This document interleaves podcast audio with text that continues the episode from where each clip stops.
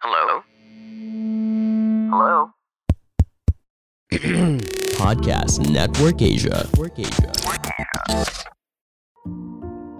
podcast terbaru atau berencana untuk membuat podcast? Jawaban yang paling tepat adalah Podmetrics. Podmetrics adalah platform yang membuat kamu dapat memiliki kendali penuh tentang bagaimana kamu menghasilkan uang lewat podcast kamu. Dan saya menghasilkan uang dari Podmetrics juga loh.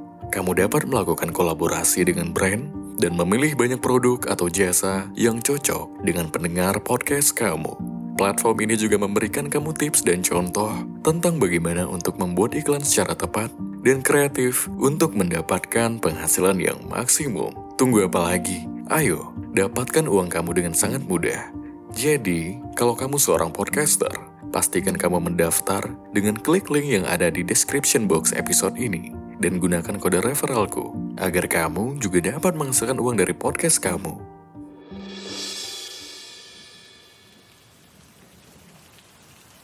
Pada suatu hari, pada trik siang yang memandikan seluruh kulitku,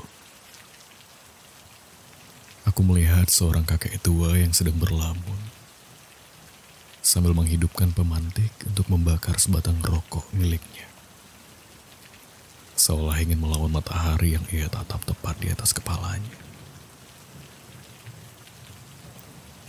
Lalu aku mendekatkan diriku dengan kakek tua itu memutuskan urat maluku, meminta sebatang rokok miliknya, dan ia memberikannya pada aku dengan cuma-cuma. Ambil saja anak muda. Begitulah katanya, dan tak ragu aku pun mengambil satu. Setelah aku nyalakan api dan menarik begitu dalam, kakek tua itu tidak bergeming dari pandangannya pada matahari lalu berkata, tidak ada jiwa-jiwa yang tak tersiksa perihal rindu. Semua kepala-kepala akan terbakar oleh api yang kita nyalakan dengan sengaja. Dan begitulah cinta bekerja. Ketika mendengarnya, pandanganku tertuju pada bola mata kakek tua itu yang terbakar api yang tenang. Di sana, di matanya, yang ia hangatkan seorang diri. Aku tidak tahu ada kecenderungan apa si kakek tua itu berkata demikian. Apakah dia sedang memulai pembicaraan denganku atau atau ia sedang berbicara kepada matahari yang tidak mau duduk di hadapannya. Setelah berkata demikian, ia diam sejenak lalu kembali berbicara. Namun kali ini ia berbicara denganku karena ia menghadapkan wajahnya kepada aku dan berkata, Nak, bila kau juga sedang merindu, pergilah ke suatu tempat yang bernama negeri hujan. Di sana kau bisa membuang semua rindu dendam milikmu kepada seseorang yang kau rindukan. Ikuti saja jalan ini, sambil menatap arah matahari tenggelam. Nanti kau akan melihat bukit-bukit melekuk tak jelas seperti rindu-rindu yang tak pernah tuntas. Aku bingung mengapa kakek tua itu tahu kalau ada rindu yang terkubur di dalam dadaku. Kendati demikian, aku mengiyakan dan mengikuti arahnya. Setelah aku habiskan sebatang rokok yang diberikan oleh kakek tua itu, aku pun pergi melangkah meninggalkannya. Lambat-lambat, langkah demi langkah yang berderap. Aku semakin jauh dan semakin jauh dari kakek tua itu dan terus memandangi arah matahari yang tenggelam. Entah harus butuh waktu berapa lama aku mengikuti matahari tenggelam, tetapi mataku mulai lelah. Sesekali aku menyeka keringat yang semakin basah di sekujur tubuhku. Ah, kepalaku rasanya mendidih dan mataku mulai membiru. Kantung mataku membengkak seperti mau pecah. Tetapi aku penasaran seperti apa negeri hujan yang dikatakan dari kakek tua itu. Aku terus melanjutkan perjalanan yang sekiranya sudah hampir lima jam lamanya. Aku kembali melangkah demi rindu dendam milikmu, Lestari.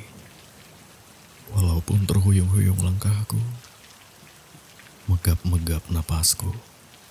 Aku tak mau mengistirahatkan kaki-kakiku. Aku tak tahu apa kabarnya kedua sendi lututku karena aku masih menatap arah matahari yang kini bersama dengan sesaput awan.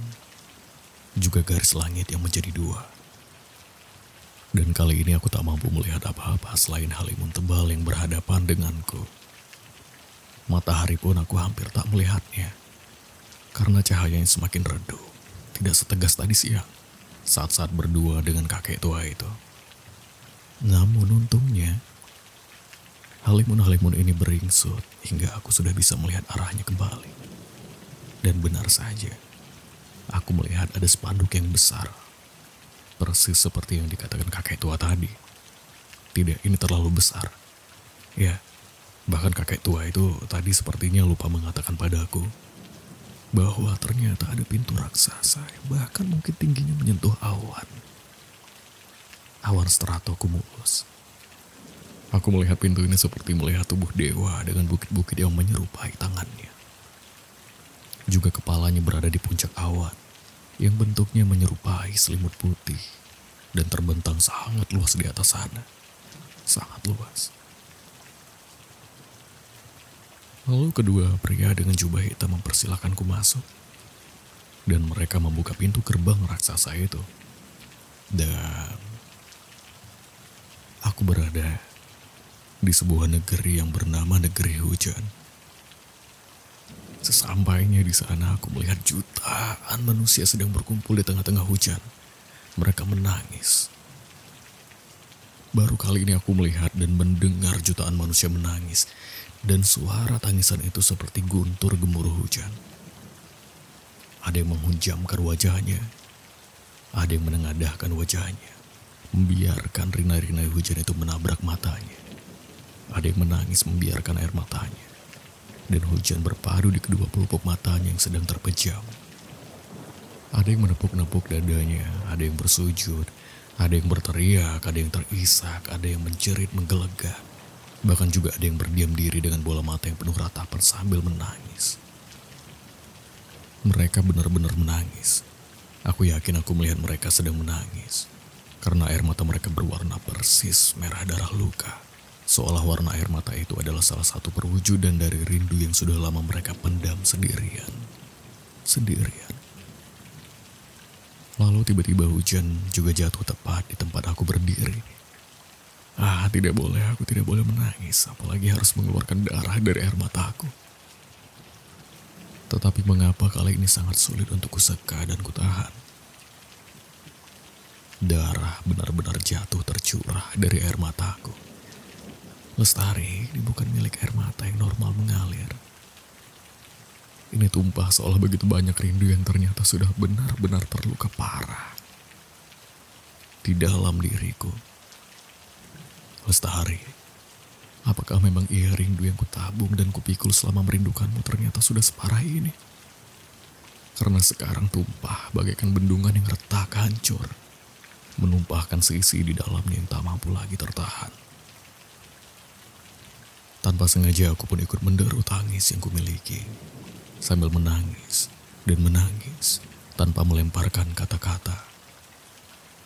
Aku menangis membuang semua rindu dendam milikku kepadamu.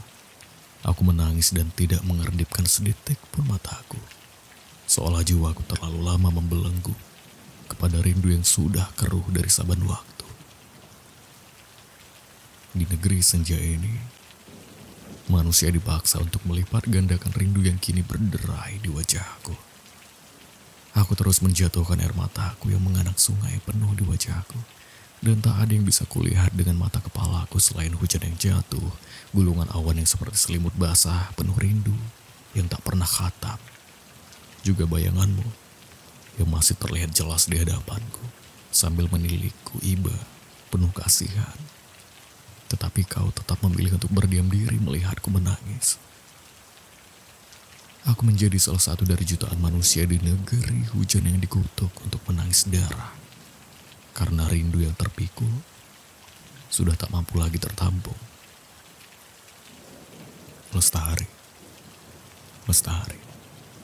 Akhirnya, pada hari ini, Dan di negeri hujan ini aku harus mereguk rindu-rindu yang sakit dan terluka untuk kubuang dengan cuma-cuma. Rindu yang kupupuk sekian tahun lamanya ternyata sudah tak mampu lagi menyelamatkan aku lestari.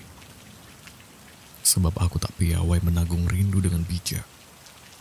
Seperti kakek tua tadi yang berhasil keluar dari negeri hujan dan mengikhlaskan rindu dan cintanya terbakar oleh api yang ia nyalakan sendiri.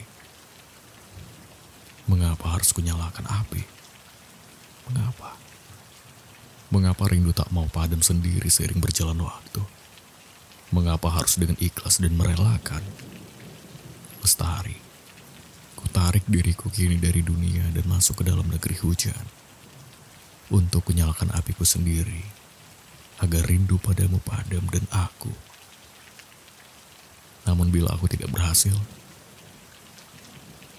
maka aku akan hilang oleh hujan dan air mata yang menenggelamkan diriku sendiri perihal rindu kepadamu. Dan ku harap aku akan menjadi angin-angin yang mampu menyentuhmu. Dan menjadi bintang-bintang yang kau pandangi ketika kau seorang diri di sana.